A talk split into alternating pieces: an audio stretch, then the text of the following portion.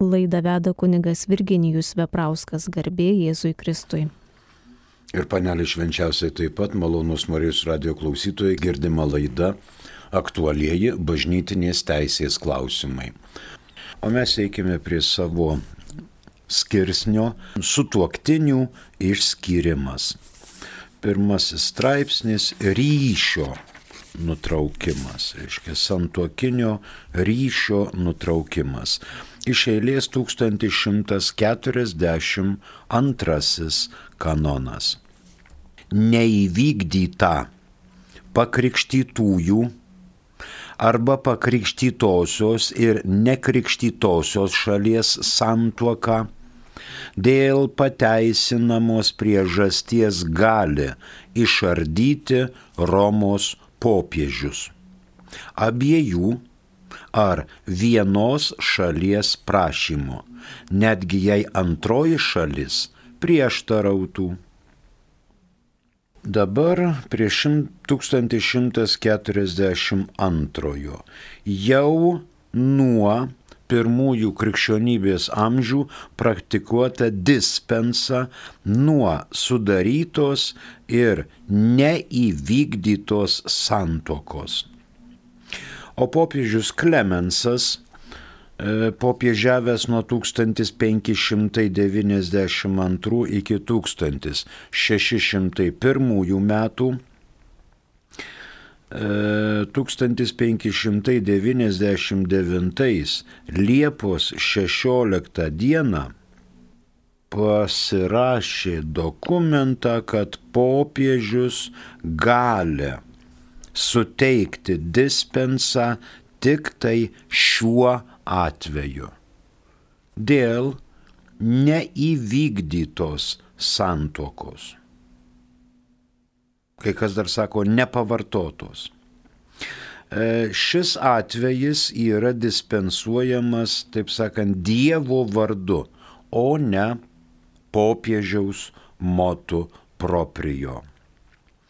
Antroji mintis ateina iš Evangelijos pagal Matą 19 eilutė 16 skyrelis. Paprašysim gal ras. Taigi mes kalbame apie sudarytą ir neįvykdytą santuoką. Santoka buvo sudaryta, bet neįvykdyta. Reiškia, nebuvo kontakto tarp vyro ir moters, kuris savo prigimtimi yra skirtas vaikų pradėjimui. Nebuvo. Kažkas įvyko ir tai yra įrodoma. Galbūt ir medicininiu būdu, galbūt ir liudininkų būdu, kad nuo vestuvės, nuo vestuvių dienos reiškia, buvo išskirti su tuoktiniai ir negalėjo turėti e, santykių. Tai tada duodama dispensa nuo pakrikštytųjų arba vienos pakrikštytosios šalies, o kitos nekrikštytosios, sudarytos ir neįvykdytos santokos. Matas 16 skyrelis 19 eilutė. Kai būsit pasiruošusi, perskaitykite, prašau. Tau duosiu dangaus karalystės raktus, kad tu suriši žemėje bus surišta ir danguje, ir ką atriši žemėje bus atrišta ir danguje. Va. Tai čia matom Jėzaus žodžius pasakytus pirmajam popiežiui, Petrui ir jo įpėdinis popiežius Klemensas šiuo faktu pasiremia.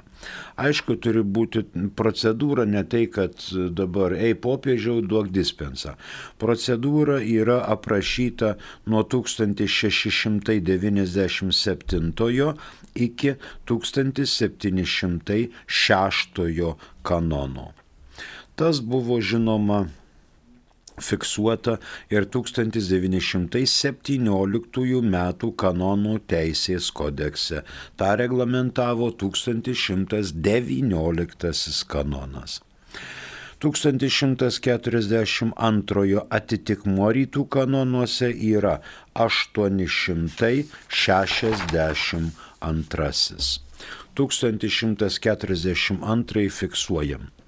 Neįvykdyta pakrikštytųjų arba pakrikštytosios ir nekrikštytosios šalies santuoka dėl pateisinamos priežasties gali išardyti Romos popiežius. Abiejų ar vienos šalies prašymu, netgi jei antroji šalis prieštarautų. Kitas mums rūpimas kanonas 1143. Jis turi du paragrafus. Dviejų nekrikštytų asmenų sudaryta santuoka Pauliaus privilegija nutraukiama. Krikštą prieimusios šalies tikėjimo labui. Pačiu tos šalies sudarytos naujos santokos faktu. Jei nekrikštytojas šalis atsiskiria. Antrasis. Laikoma, kad nekrikštytoji šalis atsiskiria, jei nenori gyventi draugė su pakrikštytąją šalimi, arba nenori gyventi draugė taikiai, neižeisdama kūrėjo, nebent pakrikštytoji šalis po krikšto prieimimo būtų davusi teisėtą pagrindą išsiskirti. Dabar pagrindas vėl iš šventojo rašto. Pirmas laiškas korintiečiams, septintas skyrius. 12-13 eilutė. Paprašysim, 12 reiškia galima sakyti 15 eilutė. Paprašysim, kad pakomentuotų mums Pauliaus privilegiją užfiksuotą Biblijoje. Taigi įstatymas šventas, įsakymas taip pat šventas ir teisingas ir geras. Vadinasi, geras dalykas man tapo mirštamas nieku būdu, bet nuodėmė parodė savo nuodėmingumą tuo, kad atnešė man mirtį, pasinaudodama gerų dalykų. Dėl įsakymo nuodėmė pasirodė esanti besaiko nuodėminga. Va, čia ta mintis, kad Kol žmogus nekrikštytas, tol jisai yra nuodėmės būklėje. O jeigu jis krikštyjasi, jis atsiverčia į Dievo malonę. Tai pagrindas yra teologinis šis. Čia vadinama paprastai Pauliaus privilegija. Žiūrime į dviejų asmenų, nekrikštytų asmenų natūralią santuoką gyvena dviese. Po to vienas iš jų nori apsikrikštyti. Ir va čia čia ateina Pauliaus privilegija. Antra sąlyga. Vienas iš jų priima krikštą, o kitas tokiu atveju atsiskiria, turi atsiskirti bet nebūtinai. Dabar pakrikštytasis sudaro naują santuoką dėl tikėjimo gėrio. Atsiskyrimas apima arba įvyksta, kai nekrikštytoji šalis atsitraukia. Reiškia, nekrikštytai šaliai nemalonu gyventi su krikščionimi arba su krikščione ir jis, ta kita šalis atsitraukia, sako, eikit visi ten, iš kur atėjote, aš su šita krikščionė arba krikščionimi negyvensiu.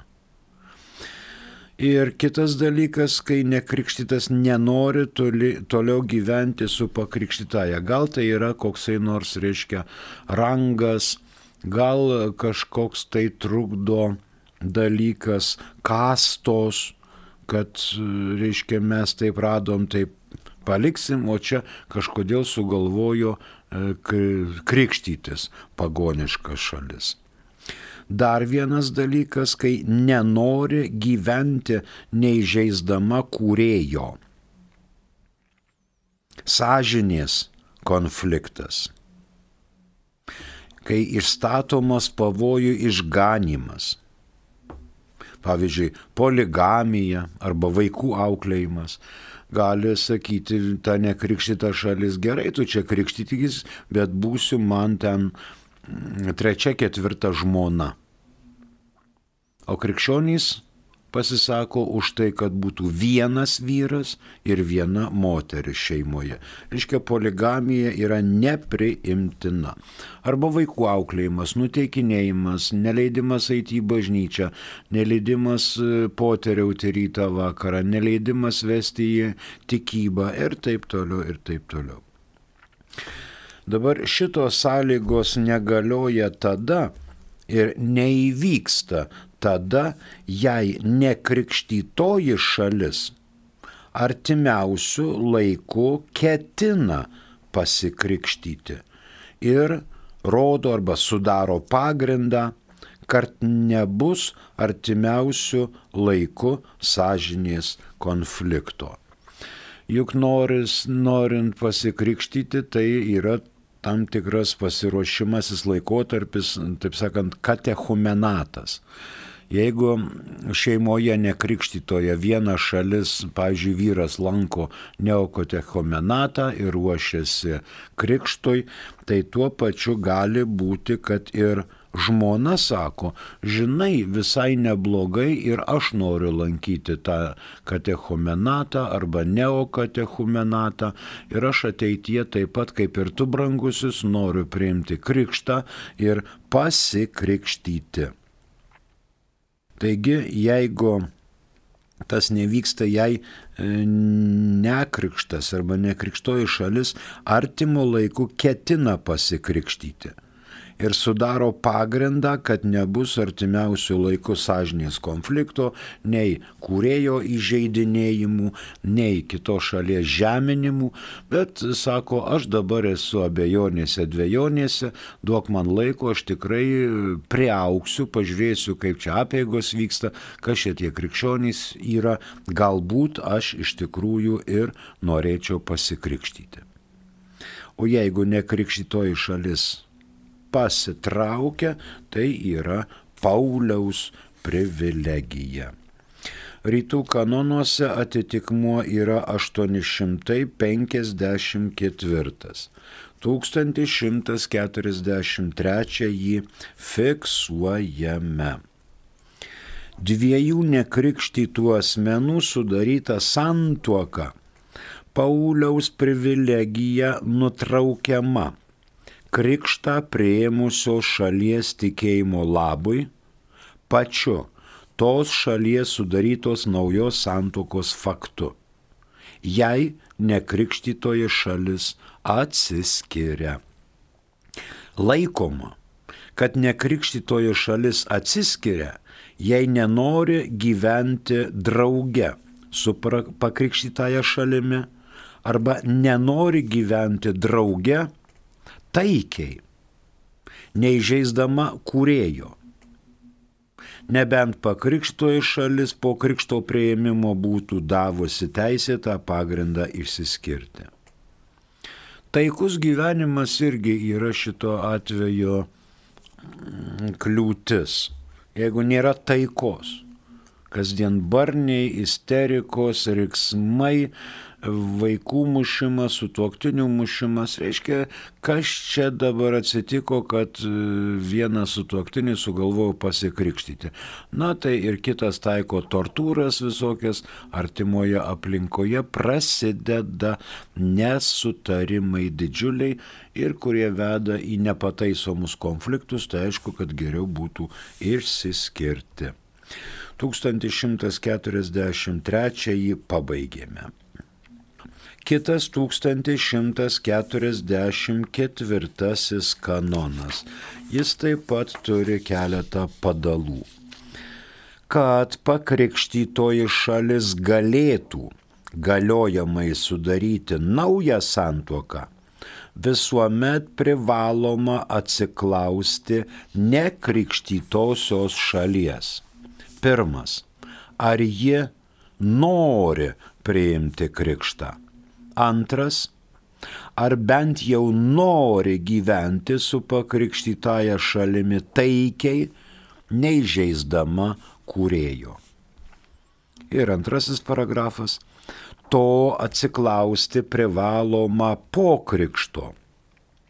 Tačiau vietos ordinaras dėl svarbios priežasties gali leisti atsiklausti prieš krikštą, taip pat gali dispensuoti nuo atsiklausimo tiek prieš krikštą, tiek po jo, jei tik atlikus bent supaprastintą ir neteisminį tyrimą, būtų aišku, kad jis yra neįmanomas ar būtų nenaudingas.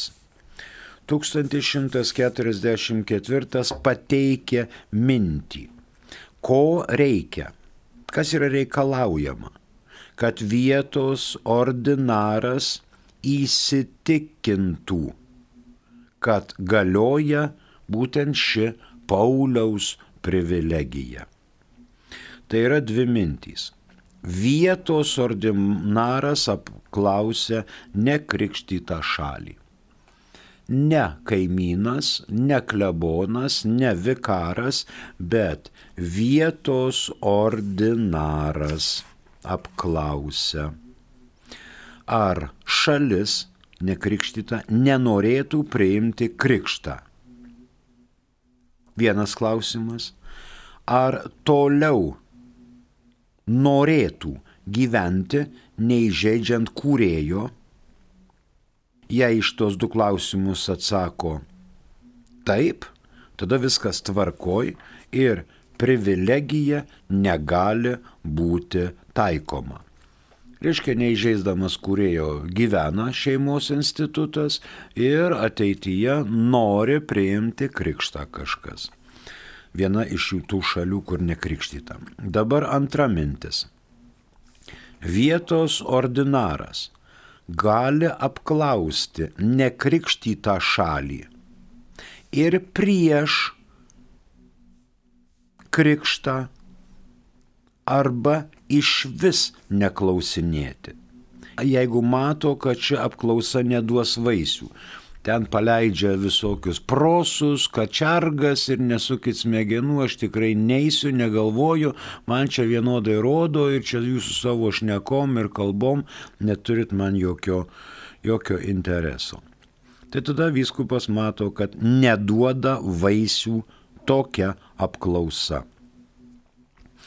Pavyzdžiui, vienas eina katechuminato keliu, o kitas prieštarauja ir skelbia, kad jei mano sutuoktinė arba mano sutuoktinis pasikrikštys, automatiškai bus išmestas iš šeimos ir neturės toliau ateities. Yra tokios deklaracijos, yra tokie nuostatai ir už tai netgi tyrimas nereikalingas, kad e, nekrikšta šalis pasako, kad tikrai negyvensiu. Tada nereikalingas tyrimas ir tada prasideda Pauliaus privilegijos žingsniai. E, mums atsin, pasirodė žinutė, SMS prašom. Daiva klausia, garbėsui Kristui, ar paukojus užmirusi visuotinius atlaidus vieną kartą ir siela patenka pas Dievą? Žinai, Daiva, vieną kartą paukojus atlaidus, nėra tokio matematinio dalyko, kad siela patenka pas Dievą. Po mirties visos sielos patenka pas Dievą. Ne pas velnę patenka, bet pas Dievą ir žemėje, kiek mes galim čianais e, kvailioti ir išsidirbinėti ir darkytis, tai yra vienas dalykas. O kai užmerkiam akelę šitam pasauliui, visi mes einame pas Dievą kūrėją, kuris mus sukūrė. Ir tada bus atverstos knygos, kai kunigus teis Dievas, tai aišku, angelai po lapais kavosis. Ir kiekvienas žmogus gaus pagal admoniciją, pagal savo nuveiktus darbus, tikėjimą, pasakytą žodį, faktiškai dėl gyvenimiškos pozicijos. Nes mes nuėję pas Dievą, aš manau, labai daug pamatysime dangaus šviesoje tų, kurių nebesitikėjome pamatyti. Ir labai daug nepamatysim dieviškoje šviesoje tų, kurių mes tikėjomės, kad jie ten turėtų būti. Tai dabar paukojus už mirusį visuotinius atlaidus, galit pavyzdžiui iš kokį mirusį diktatorių paukoti visuotinius atlaidus. Tai nereiškia, kad diktatorių paims Dievas iš pragaro ir įmes į rojų. Taip tai ne. Bet atlaidai atleidžia bausmes ir lengvina skaistyklos kančias. Bet pirmiausia, norint pelnyti visuotinius atlaidus, reikia išpildyti visuotiniam atlaidam suteiktas sąlygas. Jeigu jas visas išpildome, tai tampa visuotiniai atlaidai, jeigu bent vienos neišpildome, daliniai atlaidai. Ačiū. Na ir dabar dar vienas, prašau. Labadiena, garbėzui Kristui. Noriu paklausti, sakykite, mes su drauge įregistravome bažnyčioje bažnytinę santuoką, ar santykiauti yra nuodėmė ar ne? Na, aišku, klausimas toksai keliantis susirūpinimą. Mes su drauge. Dabar klausėjo vardo, aš nežinau kas klausia. Jeigu viskas tvarkoj, čia turėtų klausti vyras, kuris įregistravo su drauge bažnyčioje bažnytinę santuoką. O tai dėl kokios priežasties jūs tada tą santoką bažnytinę įregistravote, jei neketinate santykiauti? Iš vis nemanau, kad šeimoje lytiniai santykiai yra nuodėmė. Sakramentinėje sudarytoje santokoje lytiniai santykiai yra pareiga vyro moteriai, o moters vyrui. Ir čia apie nuodėmę mes neturėtume šnekėti. Bet yra tokių dalykų, kaip pavyzdžiui sudaro registruoja santuoką dvi moterys arba du vyrai ir galvoja, kad tai yra santuoka. Tai nėra santuoka. Tai aišku yra šeima, bet ne santuoka. Tai apie tai kalbėti ir apie ten tuos lytinius santykius, nu tai žinoma, jį turėtų būti nuodėmė. Nes Dievas sukūrė Adomą ir Jėvą, bet ne du Adomus ir ne dvi Jėvas. Ir katalikų bažnyčia šito laikosi. Toks yra mokslas krikščioniškoji antropologija. Dabar žinoma, čia vyksta išsidarkimai visokie, aišku, pasitaiko ir nukrypimų, kai katalikų vyskupai laimina vienalytės poras, bet jau Vatikanas popiežius ten yra pasisakęs, kad tikrai tai nebus santuoka. Aišku, popiežius lėktuvėlėje pasakė, kas aš toks, kad galėčiau teisti homoseksualius asmenis. Mes jokių būdų neteisėme homoseksualių asmenų. Jų neniekiname ir iš jų nesityčiojame, bet e, deklaruojame, kad paprastai šeima ir santuoka yra vieno vyro ir vienos moters, aišku, plus vaikai. Tai santykiauti nėra nuodėmė. Dabar galbūt reikia panagrinėti, kokiu būdu santykiauti. Gali vienai šaliai būti labai didelis noras santykiauti taip, kaip ji įsivaizduoja, o kitai šaliai tai yra nepriimtina. Ir kita šalis, galbūt ir silpnesnė, nesileidžia tokiu būdu santykiauti. Tada prasideda prievarta, daužymai, mušimai, reikalavimai, va tada žinoma nuodėmė yra, kada taikoma prievarta. Bet jau čia yra visos kitos smulkmenos. Ačiū Jums už klausimą. Dabar dar mus pasiekė, prašom.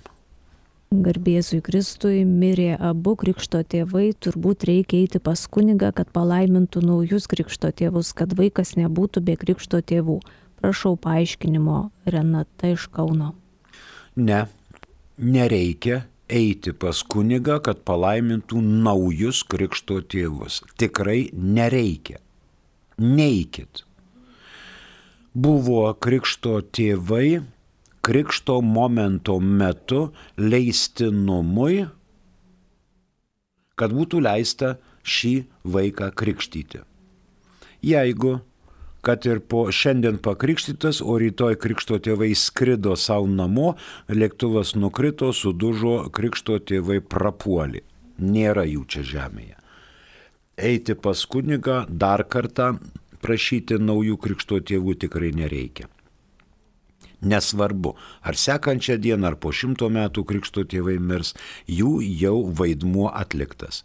Tačiau tėvai gali patys savo su draugais, su draugų šeima pasikalbėti. Sakys, e, štai buvo pakrikštas mūsų vaikas ir krikšto tėvai praėjus ten savaitę arba porai metų žuvo. Jų nėra. Arba atsisakė tikėjimo arba dar kaip nors. Ir mes norime, kad mūsų vaikas turėtų bent nominalius krikšto tėvus. Ar jūs nesutiktumėte būti mūsų vaikui nominalūs tokie krikšto tėvai? Jie sakys mielai, kodėl? Mes turim savo du vaikus, dar trečią turėsim kaip krikšto vaiką ir auginam, šnekam, kalbam, torčiuką, žvakelę, dviratuką, laikrodėlį, žaisluką dovanojame. Na ir žinoma, prašom, kad būtų auklėjamas vaikas vedamas prie pirmos komunijos, prie sutvirtinimo sakramento, kad būtų mokomas maldų ir taip toliau. Galima. Bet nereikia eiti pas kunigą, kad palaimintų naujus krikšto tėvus. Jeigu norite, galit nueiti ir išdėstyti šitą dalyką. Jeigu norit, galite nueiti su tais tėvais ir pasakyti, mūsų vaiko krikšto tėvai žuvo, uh, iškeitė tikėjimą, tarkim, nu dar kokia priežastis dabar neteina man į galvą, bet tada kunigė užrašyk, kad tie žmonės žuvo, užrašyk ten naujus krikšto tėvus, kurie yra ir santokos sakramentą prieėmę ir kas mėnesį eina iš pažinties ir komunijos, yra pavyzdingi, jie nori būti mūsų vaikui krikšto tėvai, mūsų vaikas irgi sutinka. Jam jau 4-5 metukai, pavyzdžiui, jisai sutinka, kad būtų ne anie žuvusiai, bet šitie krikšto tėvai. Jeigu kunigas sutiks, jisai gali drąsiai rašyti, kad tie žuvo, o įrašomi šalia nauji. Tokios būtinybės nėra ir būt negali. Bet jeigu jūs pažįstat kunigą kleboną kaip gerą draugą, jūs galite nueiti, aišku, auką bažnyčiai palikti ir pasakyti tokią situaciją mes norime. Jeigu kunikas įsakys tvarkoj, išsitraukiu iš spintos knygas ir papildau tas, kas buvo. Galima. Bet nėra būtinybės. Ačiū Renat. Na ir toliau, kas mes čia Karina iš Kauno rašo, mhm. garbėjusui Kristui, kai tuokėmės bažnyčioje, mano vyriškis buvo tikintis. Mhm. Po dešimties metų draugiais tampa netikintis į bažnyčią, neina, nesimeldžia ir yra abejingas tikėjimui. Neturime bendrų temų pokalbiams. Ar galima būtų skirti su juo kaip nebetikinčiu? Ne. E, arba taip. O kas jums trukdo skirtis? Kas jums trukdo skirtis? Skirtis bažnyčia netrukdo, bet jūs įsiskyrę negyvensit po vieną, jūs susirasit kitas pusės. su tom kitom pusėm, va sudaryti naują santuoką, jau prasidės bėdos. Negalėsi teit nei iš pažinties, nei komunijos ir čia yra vertybių žlugimas. Na, pasižiūrėkim. Tuokėmės bažnyčiai, vyriškis buvo tikintis. Viskas tvarkoj, buvo ministrantas, karštas uolus katalikas, rytą vakarą žegnojusi, ėjo reguliariai iš pažinties ir prie komunijos ir lankė bažnyčią, viskas, viskas, viskas, viskas. Dabar po dešimt metų jis tampa netikintis. Į bažnyčią neina, nesimeldžia, abejingas tikėjimui, nebūt turime bendrų temų pokalbiams. Nei apie teatrą, nei apie perskaitytą knygą, nei apie pandemiją, neturit bendrų temų pokalbėms, nei apie maistą ar skaniai pagaminote. Jis net jums turbūt nepasako, kokią gražią šukuoseną jūs šiandien pasidarėte, ar kaip puikiai derinate rūbus, kai, kai turite ūpą ir panašiai. Aš netikiu, kad šeimoje nėra bendrų temų pokalbėms. Krikščionėje žmonoje pašventinamas nekrikščionis vyras ir krikščionio vyro šeimoje pašventinama nekrikščionė motina. Čia Paulius. Tai dabar jeigu abu du esate krikštyti, tai jūs nekelkite klausimą, ar neturite bendrų temų pokalbėms, bet jūs keliate net klausimą, ar galima būtų skirtis su juo kaip nebetikinčiu. O dėl ko jums reikia skirtis su juo kaip nebetikinčiu? Ką tai daro? Ką tai duos? kas tai bus pozityvaus, jeigu jūs įsiskirsite. Matot, kai žydams pažadėtąją žemę Dievas pažadėjo ir vat Mozė užlipo ant kalną, va pamatė tą nuostabę lygumą, kur pieno upės teka ir medumi krantai išteplioti, eik ir valgyk ir saldžiai pokyliauk ir iškylauk ir tvarkoj. Bet kita eilutė parašo šventam rašte, kad taip, tai yra žemė, kuri buvo išrinktai tautai dovanota. Tačiau toje žemėje jau gyveno filistiečiai. Jau jie gyveno. Reiškia, atėjo išrinktoji tauta ir sako, čia viskas mano, čia mums Dievas davė. O filistiečiai sako, bet mes jau čia esame. Mes esame ir čia būsime. Ir tada reikalingas dialogas. Jeigu aš eisiu šitoje žemėje į kairę, tai to iki dešinę. Jeigu aš eisiu į dešinę, tai to iki į kairę. Ir mes bendraujam, išnekamės. Taip ir šeimoje. Buvo viskas gražu, meilė, ažūr, Bet vad staigas vienas tapo netikinčiu. Tai reiškia, jeigu protingas asmo, jūs pasižiūrėkite, dėl ko vyras tapo netikinčiu, ko pasiekoje, dėl kokių priežasčių.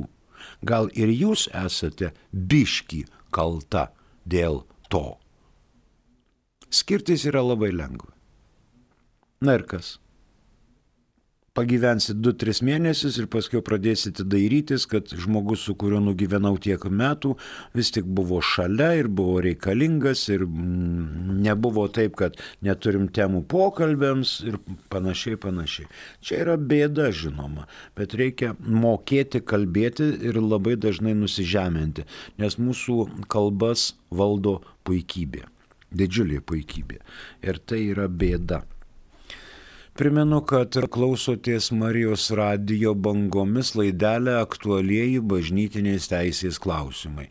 Dabar turbūt jau mūsų laikas išseko, dėkoju už klausimus, užfiksuosime 1144 jau kitoje laidelėje. Ačiū, atsisveikinu su jumis, melskimės už šeimų maršą ir sudie.